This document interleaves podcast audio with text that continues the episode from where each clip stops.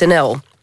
En dan nu naar het spoor terug, deel 3 van de serie U wordt door niemand verwacht. Een documentaire reeks gebaseerd op de radioserie De Joodse kwestie en het boek U wordt door niemand verwacht van Michal Citroen over de nasleep van de oorlog voor de Joodse overlevenden. Vandaag de aflevering Verder leven.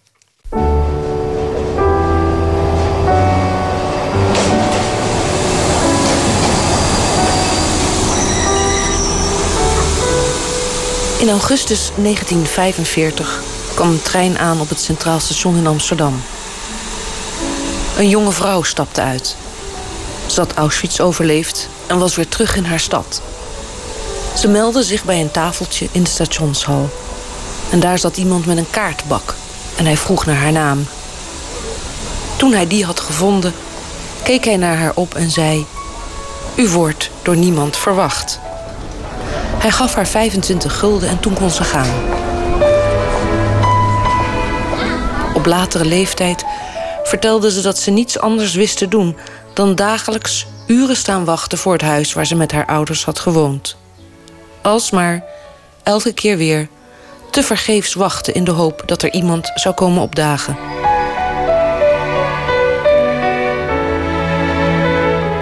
In 1944 ontmoetten de opgedoken Joden elkaar in het bevrijde deel van Nederland in de stad Eindhoven. Daar besloten ze zo snel mogelijk iets te organiseren om hulp te bieden aan lotgenoten en later voor terugkerenden. Jaap van Amerongen was een van de oprichters van de Joodse Coördinatiecommissie, die tot de bevrijding van geheel Nederland zetelde in Eindhoven. Die 3% die zijn dan teruggekomen, die waren voor een gedeelte in een verschrikkelijke toestand. Voor zover ze fysiek in een verschrikkelijke toestand waren, zijn ze door de, door de ziekenhuizen opgevangen. Maar voor zover ze uh, in, een, in een psychische moeilijke uh, toestand terugkwamen. Uh, moesten ze wel worden opgevangen door een groep die, die er tenminste iets van begreep. En dan was er een Joodse solidariteit met de met, de, met de mensen die terugkwamen, die ging boven de solidariteit die, uh, laten we zeggen, gewone Nederlanders met deze, met deze groep hadden. In augustus van 1945 kwam ook mijn opa terug uit Auschwitz. Hij had er meer dan een half jaar over gedaan om thuis te komen. Op een zonnige dag liep hij over straat naar het huis waar hij zijn vrouw had achtergelaten. Hij wist niet of er nog iemand was. Mijn oma vertelde me keer op keer over zijn thuiskomst als ik er naar vroeg. Zijn verhaal erover mocht ik vastleggen op een cassettebandje toen ik voor mijn scriptie over de opvang van Joodse oorlogsslachtoffers hem één keer mocht ondervragen over zijn terugkeer. Een jaar voor zijn dood. Ik kwam om zeven uur. Toen kwam ik aan. Ik stapte uit met mijn tasje met boel ik bij me had, rommel die ik van concentratiekamp meegemaakt. En dan maar hopen wie er terugkwam toen hij dit terug Nee, zij wist nog niet dat jij daar was, hè, toen? Of niets, niet? Wist, niets, niets, niets. Dus toen ik in Utrecht stond, denk ja, ik kom er ineens binnenvallen. Ik, wil, ik weet niet hoe de situatie is. En op die hoek daar, waar ik uitgestapt was, daar was een tandarts. En daar heb ik aan gebeld. En daar zei ik dat ik dus, dus die toen was bevrijd. En dat op nummer 27 misschien weten wie aanwezig was nog. En hun vertelde dat ik terug was en dat ik direct kwam. En die dienstwoorden die ging naar 27 en die vertelde daar dat ze mij konden verwachten. Dus ik ging lopen en over Lieke. Van, van de andere kant. Nou, dat was. Dat heeft ze me heel vaak verteld, dat verhaal. En toen, wat ik daar was, kwam een Philip binnenrennen. En die liep ondersteboven. En Marianne. En Hans dan in Gelderland.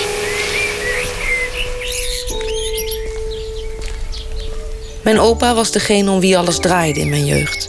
Ik zag hem dagelijks en we maakten samen lange wandelingen door de duinen van Scheveningen. Hij hield ervan om buiten te zijn. Een keurig, statige heer in een pak met een hoed op... die verstoppertje speelde met zijn kleindochter. Hij leerde me naar de vogels te luisteren. Merels waren zijn lievelingen. En hij luisterde met mij en met mijn vader meestal naar Mozart. Want als je Mozart hoort, dan valt alles ook wel weer mee, zei hij. Mozart en Merels horen bij mijn herinnering aan hem en dus ook bij dit programma.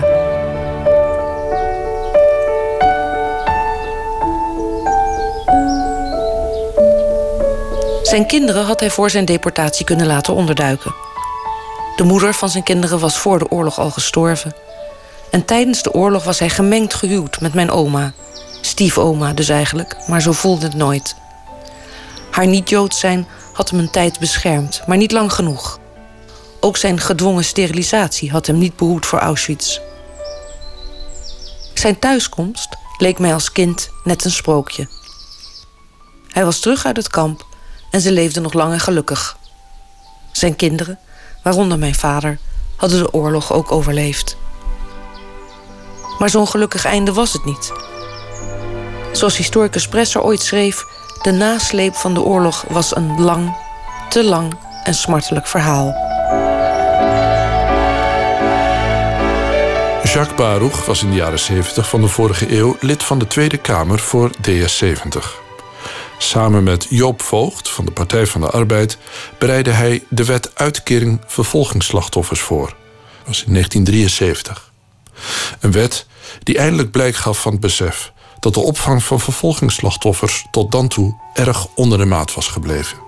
Ik begrijp natuurlijk wel en ik weet wel dat Nederland er in mei 45 alle belappers voor stond. Dat nam niet weg.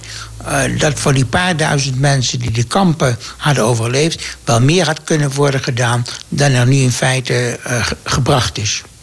Er was natuurlijk eh, een onbegrip. De, de, financiële situatie van Nederland was zeer slecht voor de hele Nederlandse bevolking, dat weet ik wel. Maar er was een volkomen miskenning aan wat zich daar voor mensonterends en mensenvernietigends had afgespeeld.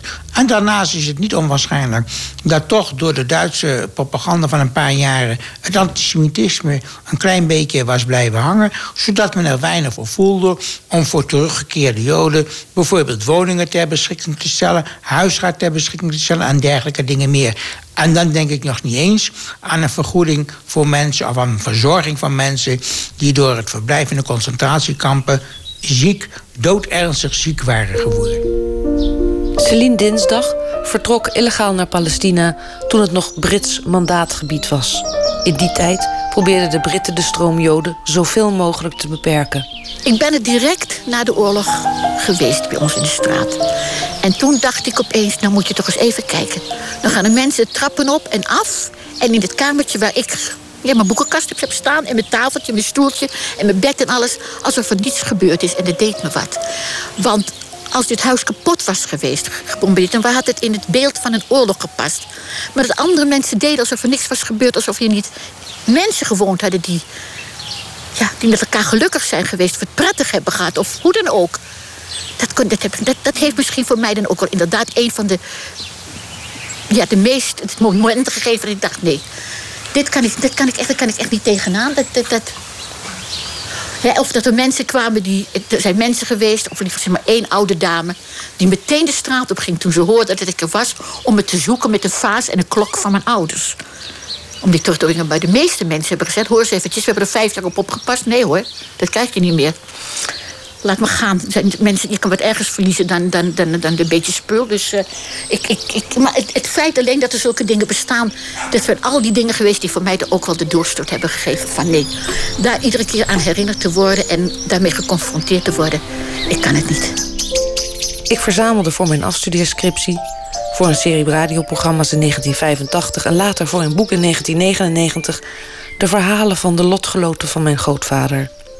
De titel van het boek moest zijn: U wordt door niemand verwacht. De belangstelling voor de overlevende heeft lang op zich laten wachten. Nu, 70 jaar na de bevrijding, wanneer de meeste van de stemmen die u hoort van mensen zijn die al lang niet meer in leven zijn, hoort hun verhaal ook nog te klinken. Net zoals die verhalen in alle documentaires die we hebben gezien en die eindigen in mei 1945. Jaap van Amerongen had voor de oorlog al besloten naar Palestina te emigreren. Hij had zijn certificaat daarvoor gekregen op 8 mei 1940. Maar hij kon niet wegkomen, omdat de Duitsers op 9 mei 1940 Nederland binnenvielen. De Joden die in Nederland waren en de, de niet-Joden die in Nederland waren, daar was een verwijdering tussen ontstaan. Die naar mijn gevoel ook in hoge mate geleid ertoe hebben dat in uh, latere jaren relatief gesproken, een groot aantal Joden naar, naar Israël is gegaan. We waren vreemd. We waren, we waren ons misschien bewust geworden dat we een vreemd element waren in de Nederlandse gemeenschap. We hadden een ander lot gehad gedurende de laatste uh, vijf jaar. En zeker gedurende de laatste drie jaar. En dat, dat had zijn invloed op alles wat we deden en, en wat we konden doen. Een hele wereld was in elkaar gestort door de oorlog. Er staat niemand te roepen, hé, halleluja, daar heb je Celientje ook nog. En alle mensen waren bezig met zichzelf om een nieuw leven op te bouwen. En ik had wel heel erg dat gevoel van, eh, als ik van weer moet beginnen, helemaal moet opnieuw moet beginnen, dan moet ik hier weg, want anders blijf ik mijn hele leven in die atmosfeer. In een soort, ja, ja, in, die, in, die, in die ellende zitten. En daar zal ik waarschijnlijk nooit meer voor loskomen. Ik was ook helemaal niet verbonden met het Jodendom. Ik wist dat ik een Jodin was. En daar werd ook nooit heel uitgemaakt. Dat, dat, was de meest normale. Het was zoiets voor mij tenminste. Voor mij als uh, de een heeft een bochel en ik ben Jodin. Zoiets ongeveer. Ik, ik stond er verder nooit bij stil. Ik heb er ook nooit onder geleden. Nou, ik, terug naar Amsterdam. Ik bedoel, we hadden geen dak boven het hoofd. Er was ook niemand. Ik had een zuster die heeft de oorlog in Zwitserland doorgebracht. En die kwam ook terug met twee kleine kinderen. Maar dat duurde ook nog een hele poos. Ja, en het was allemaal zo één grote ruïne. Zo catastrofaal was alles. En iedereen die was erg... Ik weet het, ik kan het helemaal niet zeggen. Van, ik heb eigenlijk nooit bij stilgestaan van terug willen naar Amsterdam. Wel bij, nee, ik, ik moet iets opnieuw beginnen. Uh, en dan moet ik uit deze atmosfeer weg. Ik, het is me nooit, nooit bij me opgekomen van... Eh, als je deze atmosfeer weg geprobeerd... is in Leeuwarden of in Groningen of in Middelburg. Dat was er niet bij. Maar als er iemand was geweest die had gezegd... ga jij dan met me mee naar Nieuw-Zeeland? Misschien had ik het wel gedaan. Maar het eindresultaat is dat ik ben blij dat ik blij ben dat het is geworden is. En niet Nieuw-Zeeland natuurlijk.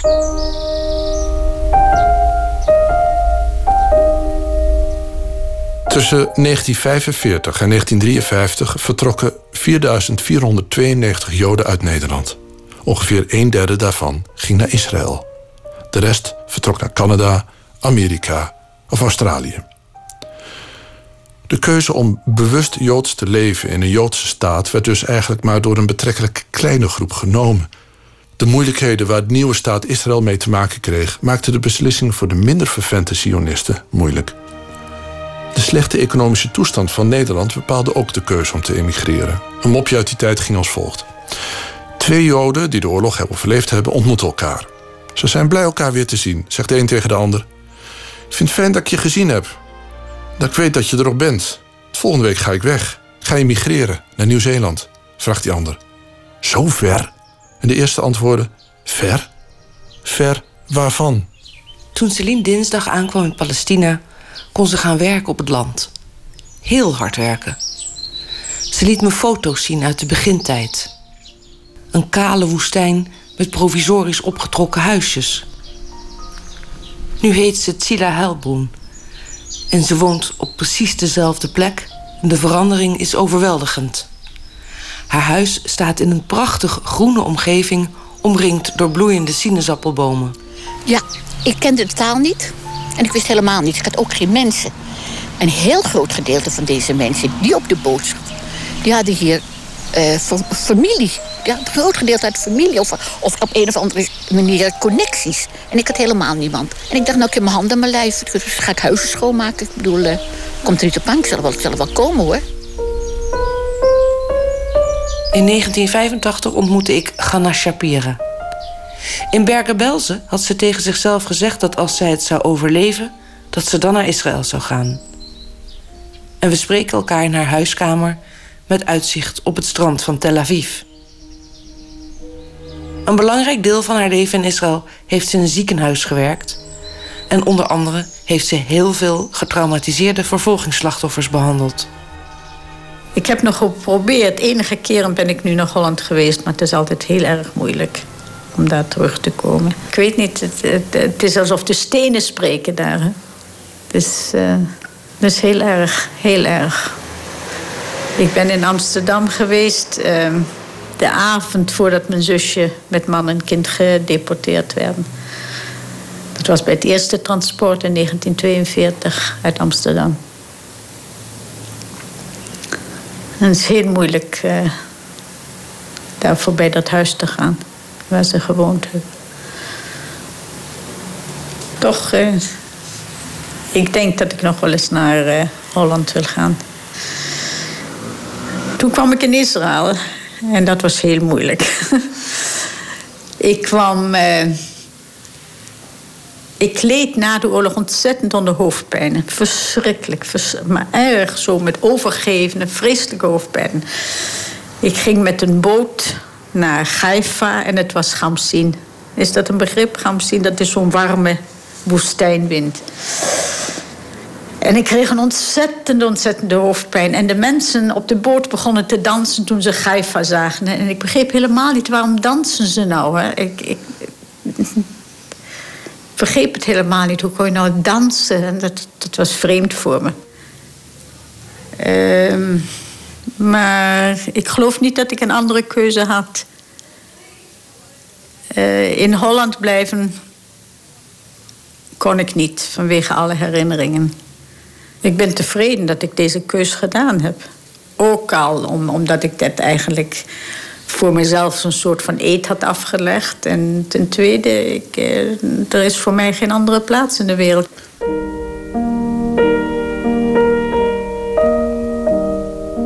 Huisarts Elzas emigreerde enkele jaren na de oorlog met zijn vrouw en kinderen naar Israël.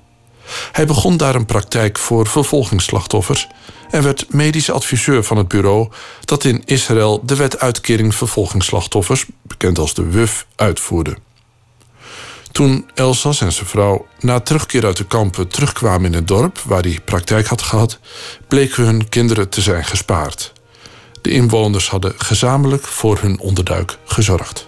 Hoe gemeend de patiënt dit gedaan hebben, is ons gebleken toen ik ging uitzoeken wie dat nou eigenlijk uh, reëel gedaan had. Want het was nooit betaald. Om een afspraak te maken over hoe of het betaald zou worden. En toen zei ze, ja, dat hadden we gedacht. Dat u met die vraag zou komen. En we hebben dus van tevoren overlegd wat we zouden zeggen. En dat is, we willen er geen geld voor hebben. Maar we willen dat u niet naar Palestina gaat. Maar eerst nog een aantal jaren ons blijft behandelen. En meer hoeft niet. Dat stond wel in scherpe tegenstelling tussen de reactie van de vrouw van de man die mijn praktijk zogenaamd overgenomen had. Maar in werkelijkheid was het contract zo dat het een waarnemingscontract was. En die op mijn terugkomst reageerde met: Wij hebben toch ook altijd pech. Uh, dit is een schrille tegenstelling uh, die ik bij mijn werk voor de WUF, waar ik duizenden gevallen spreek uh, die teruggekomen zijn, zie dat ervaringen daarmee overeenstemmen. Dat er mensen zijn die duidelijk te kennen geven dat ze het eigenlijk jammer vinden dat je niet vergast bent tegenover mensen die dolgelukkig zijn dat je teruggekomen bent. Uh, hier in Israël, bij de bevolking die niet uit Nederland afkomstig is, heeft Nederland een geweldige naam. Het is jammer dat ik moet zeggen ten onrechte.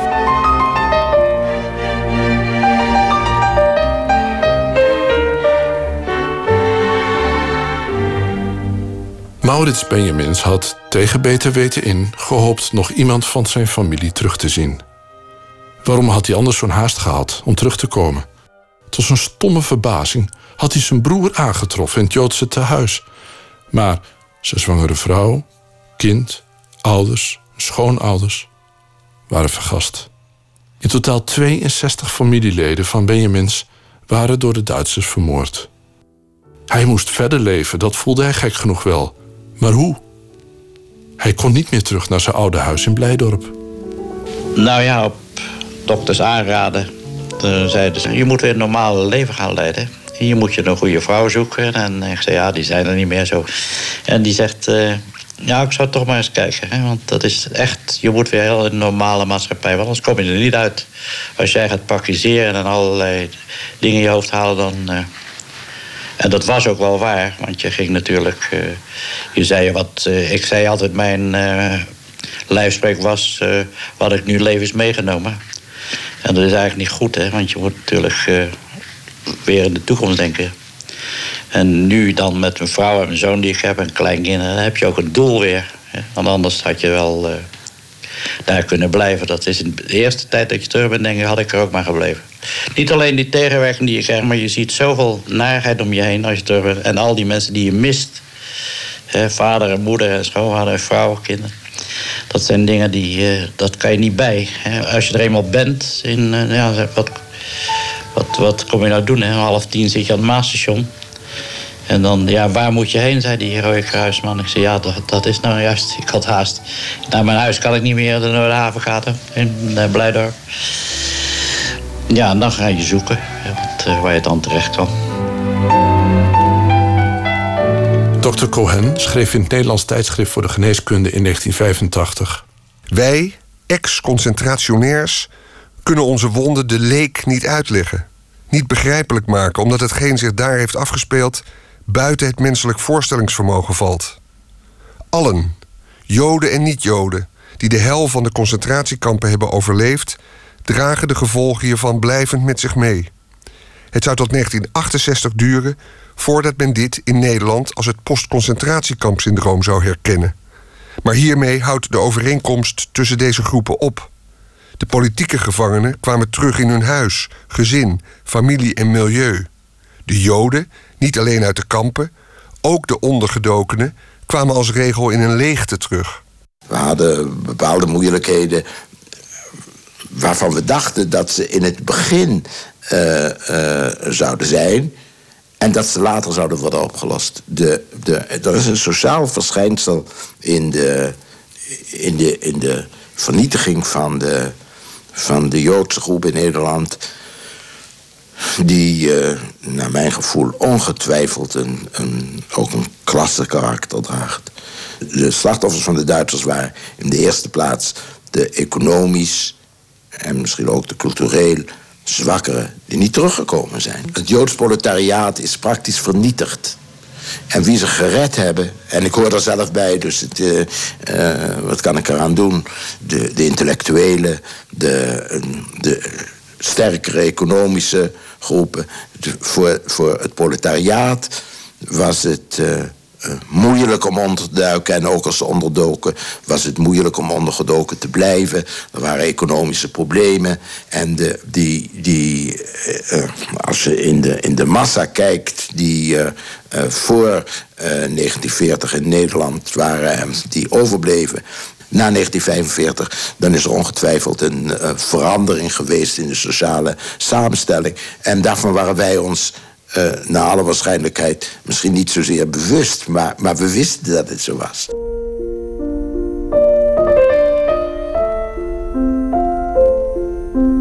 Toch zal eens het Joodse volksdeel, vermengd, nog niet onzield, zijn plaats hernemen aan de Nederlandse haardsteden. Jacques Baruch was in de jaren 70 van de vorige eeuw lid van de Tweede Kamer voor DS70. Er zijn mensen die na de bevrijding uit concentratiekampen van her naar der werden gesleept. Bijvoorbeeld naar Zweden, België, Parijs.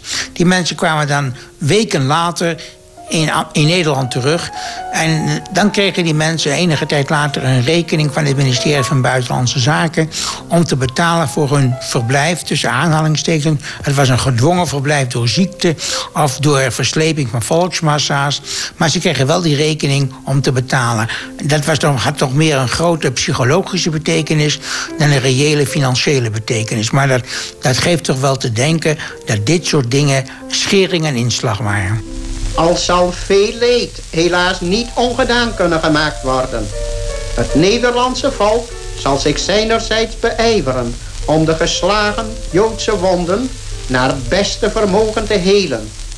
Jo van Dam zat tijdens de oorlog in het verzet. Na mei 1945 heeft hij moeite de draad van het gewone leven weer op te pakken. Ja, de Nederlandse generatie van toen. Ik mag dus geen kwaad woord zeggen van de tegenwoordige generatie. Maar de Nederlandse generatie van toen. realiseerde zich instinctief dat ze tekortgeschoten waren. Dat dat gedeelte van de Nederlandse bevolking dat joods was, werd afgeslacht zonder dat ze daar genoeg tegenstand tegen hadden geboden. En ja, dat bekent de mens zich niet graag. Dus dan gaat hij afreageren.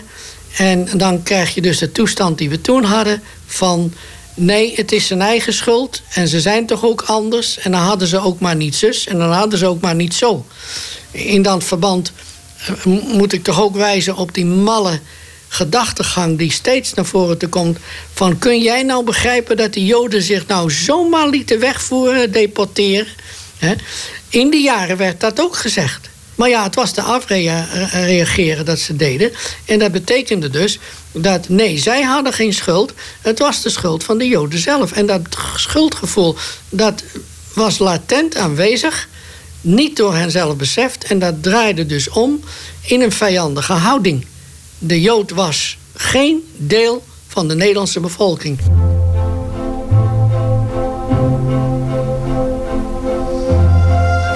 Uh, voor sommige Nederlanders is het een extra schok geweest om na de terugkeer te merken uh, dat ze niet zo met open armen in Nederland ontvangen werden. Uh, dat zie je bij mensen uit de meeste andere landen niet, omdat die zich wel degelijk bewust waren van de afwijzende houding tegenover de Joden in die landen.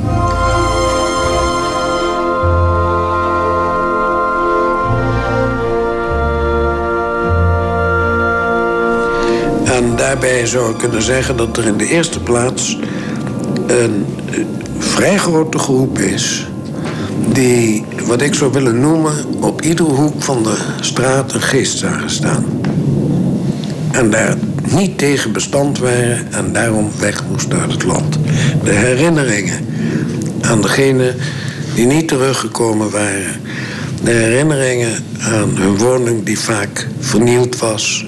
Denk maar aan de Jodenbuurt in Amsterdam. Uh, die waren dusdanig traumatiserend dat het voor hun niet uit te houden was. Een gedeelte heeft heel open gezegd de manier waarop Nederland mij ontvangen heeft en de bejegening die ik nu ondervind, dat kan ik niet verdragen en daarom ga ik weg.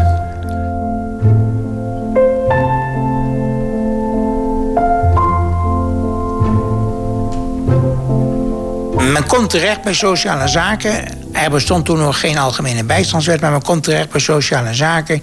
Uh, maar het was niet alleen een kwestie van dat je hem geld moest hebben, je moest ook een woning hebben. Die woningen waren vaak in de oorlog in handen gekomen van NSB'ers en dergelijke. En het was vaak bijzonder lastig om weer een woning te krijgen.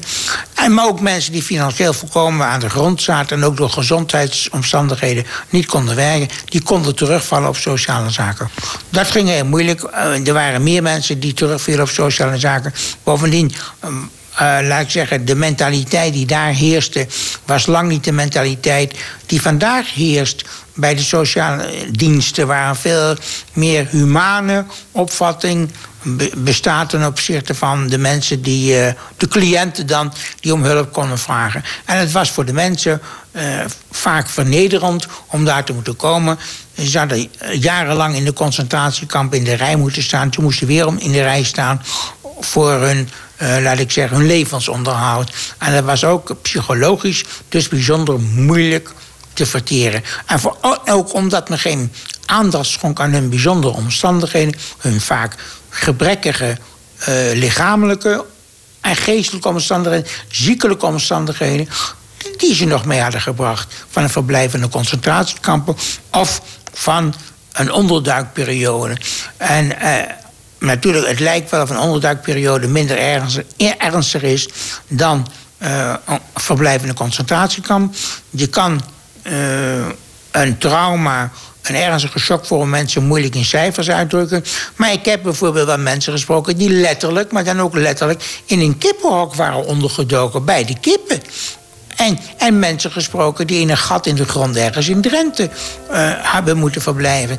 En dan moet je je alleen maar afvragen wat dat voor een invloed heeft op een mens als hij uh, met kippen samen in één hok zit.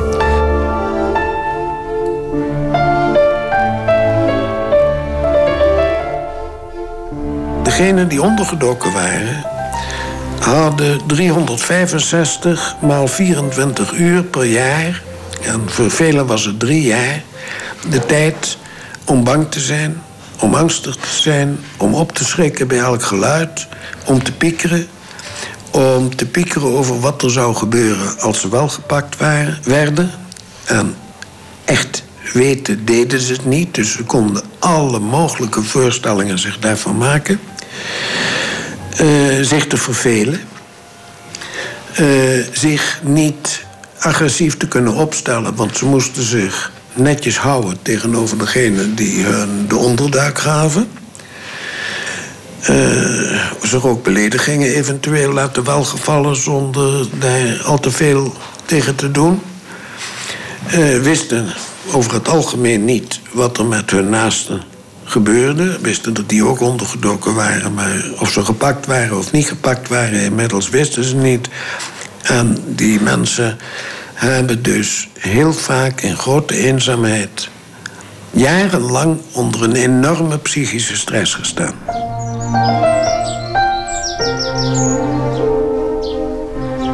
Het gesprek met dokter Elzas in Israël was voor mij in 1985 op een bepaalde manier ontluisterend. Hij had als medisch adviseur van de WUF, de Wettenuitkering Vervolgingsslachtoffers, naar eigen zeggen duizenden vervolgingsslachtoffers gesproken. Vaak had ik mezelf afgevraagd hoe het kon dat mijn grootvader, terug uit Auschwitz, ogenschijnlijk minder last leek te hebben van zijn ervaringen, minder gebukt ging onder allerlei geestelijke problemen dan mijn vader, die ondergedoken had gezeten. Als je in een kamp zat, dan hoefde je eerst niet meer bang te zijn gepakt te worden, want dat was al. In de tweede plaats hoefde je geen griezelvoorstellingen te maken over wat er zou gebeuren, want je zag het voor je. Uitkijken. Altijd op hun kivive zijn, want anders was je leven ook in gevaar.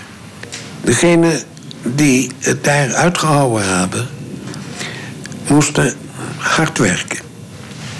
Als ze dat niet deden, hadden ze een enorme kans om doodgeslagen te worden.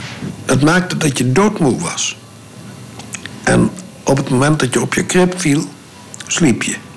Je had geen tijd om te piekeren, je had geen tijd om te denken.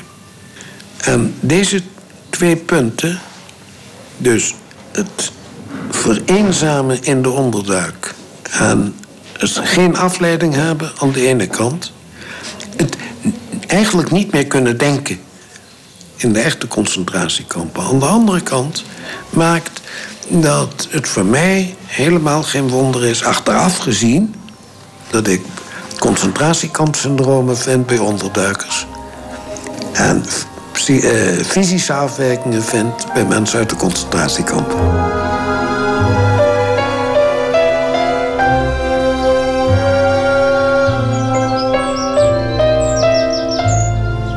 Professor Bastiaans was een van de eerste psychiaters die getraumatiseerde vervolgingsslachtoffers en verzetsmensen behandelde.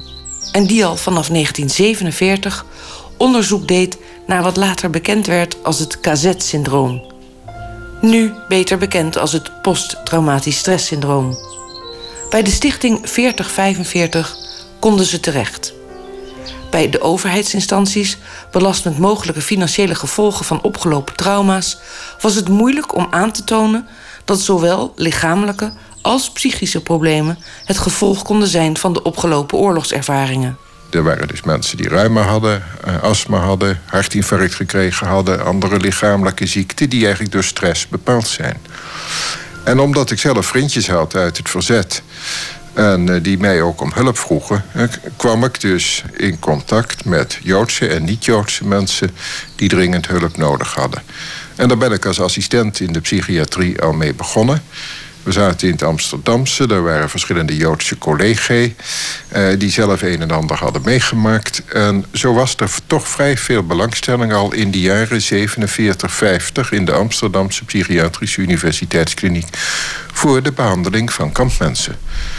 Maar uh, Amsterdam was in dit opzicht de tijd wel wat vooruit. In andere plaatsen was daar heel weinig belangstelling voor.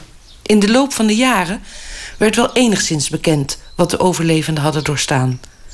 Maar niet de impact ervan. Ik vertel altijd het mooie verhaal dat zelfs de door mij zeer gewaardeerde dokter Hugenholz, toen chef de kliniek in de Amsterdamse Universiteitskliniek, medisch adviseur van 4045 in 52, zei: Nou, na zeven jaar kan het toch wel eens voorbij zijn.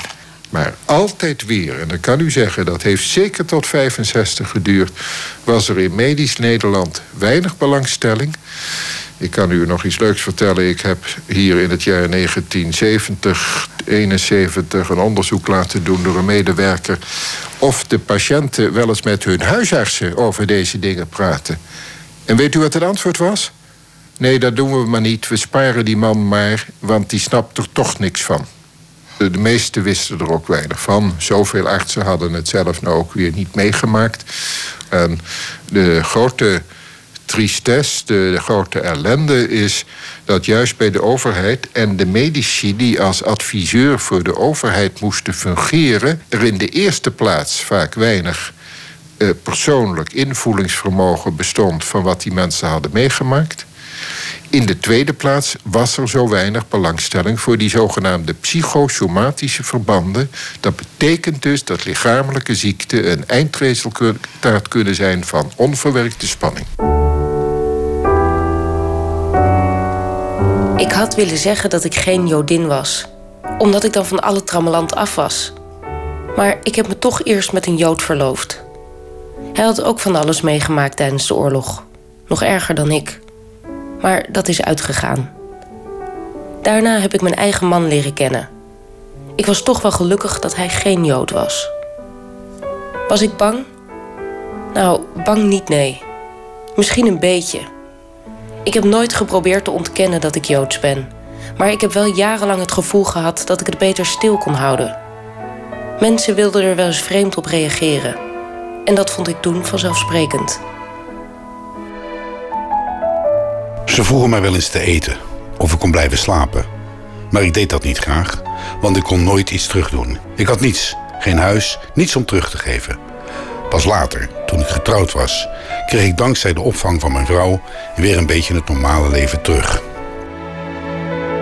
Velen die zich na de oorlog probeerden in te passen, leken daarin een tijd lang werkelijk te slagen. Ze probeerden zich zo gewoon en zo normaal mogelijk te gedragen. Ze hielden zich, vooral tegenover een vijandige buitenwereld, die hen doorgaans niet begreep, ook zo gedekt dat er oppervlakkig bezien in hun gedrag geen grote problematiek van onverwerkte oorlogservaring leek schaal te gaan. Dat nu was vaak zeer misleidend. Daarom ook werden de innerlijke onrust en de innerlijke spanning, nog net zo gecamoufleerd als in het kamp, niet doorzien. Het gevolg was dat de slachtoffers in een vicieuze cirkel terechtkwamen. Nog meer afsluiting, nog meer poging het te verdringen.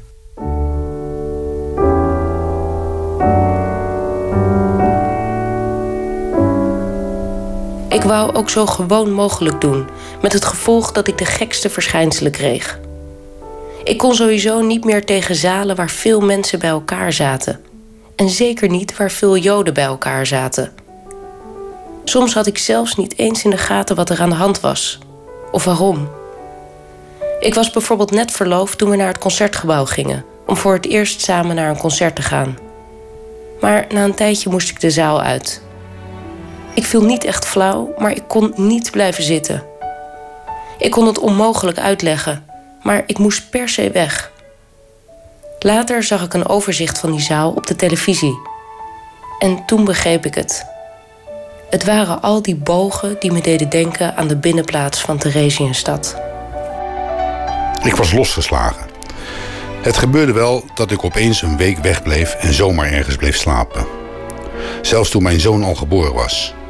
En mijn vrouw had dat maar te accepteren. Ik had soms helemaal geen idee dat ik getrouwd was. Ik belandde in Amsterdam of Groningen Totdat zij mij wist te vinden. Dat is niet voor anderen te begrijpen. Het zijn ook geen dingen waar je mee loopt te leuren. Het gaat niet om medelijden vragen. Je wilt medegevoel. En dat heb ik praktisch nooit gekregen.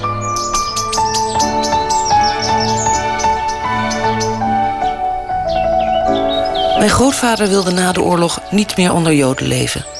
Maar dat wilde hij voor de oorlog eigenlijk ook al niet.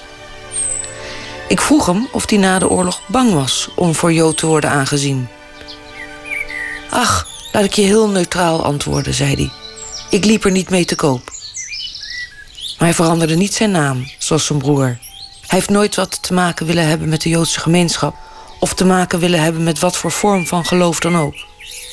Hij is nooit in Israël geweest en wilde er ook niet heen. Hij volgde wel al het mogelijke nieuws over het Midden-Oosten op de voet. Net als mijn vader. En hij kon zich er verschrikkelijk over opwinden. En hij vond het heel bijzonder toen ik voor het eerst naar Israël ging. Ik kon hem nog net vertellen hoe het was. Een paar weken voor zijn dood.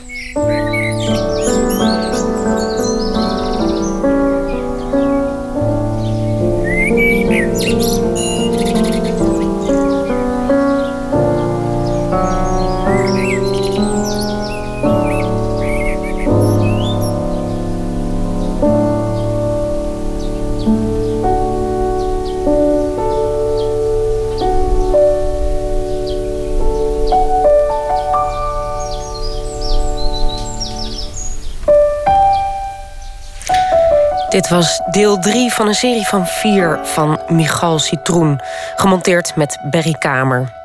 In de serie hoorde u interviews met overlevenden van de Shoah... die voor een deel zijn gemaakt in 1985. De geïnterviewden zijn inmiddels overleden. Het boek U wordt door niemand verwacht is als e-book te verkrijgen bij uitgeverij Fosfor. Volgende week de laatste aflevering Rechtsherstel en oorlogspleegkinderen.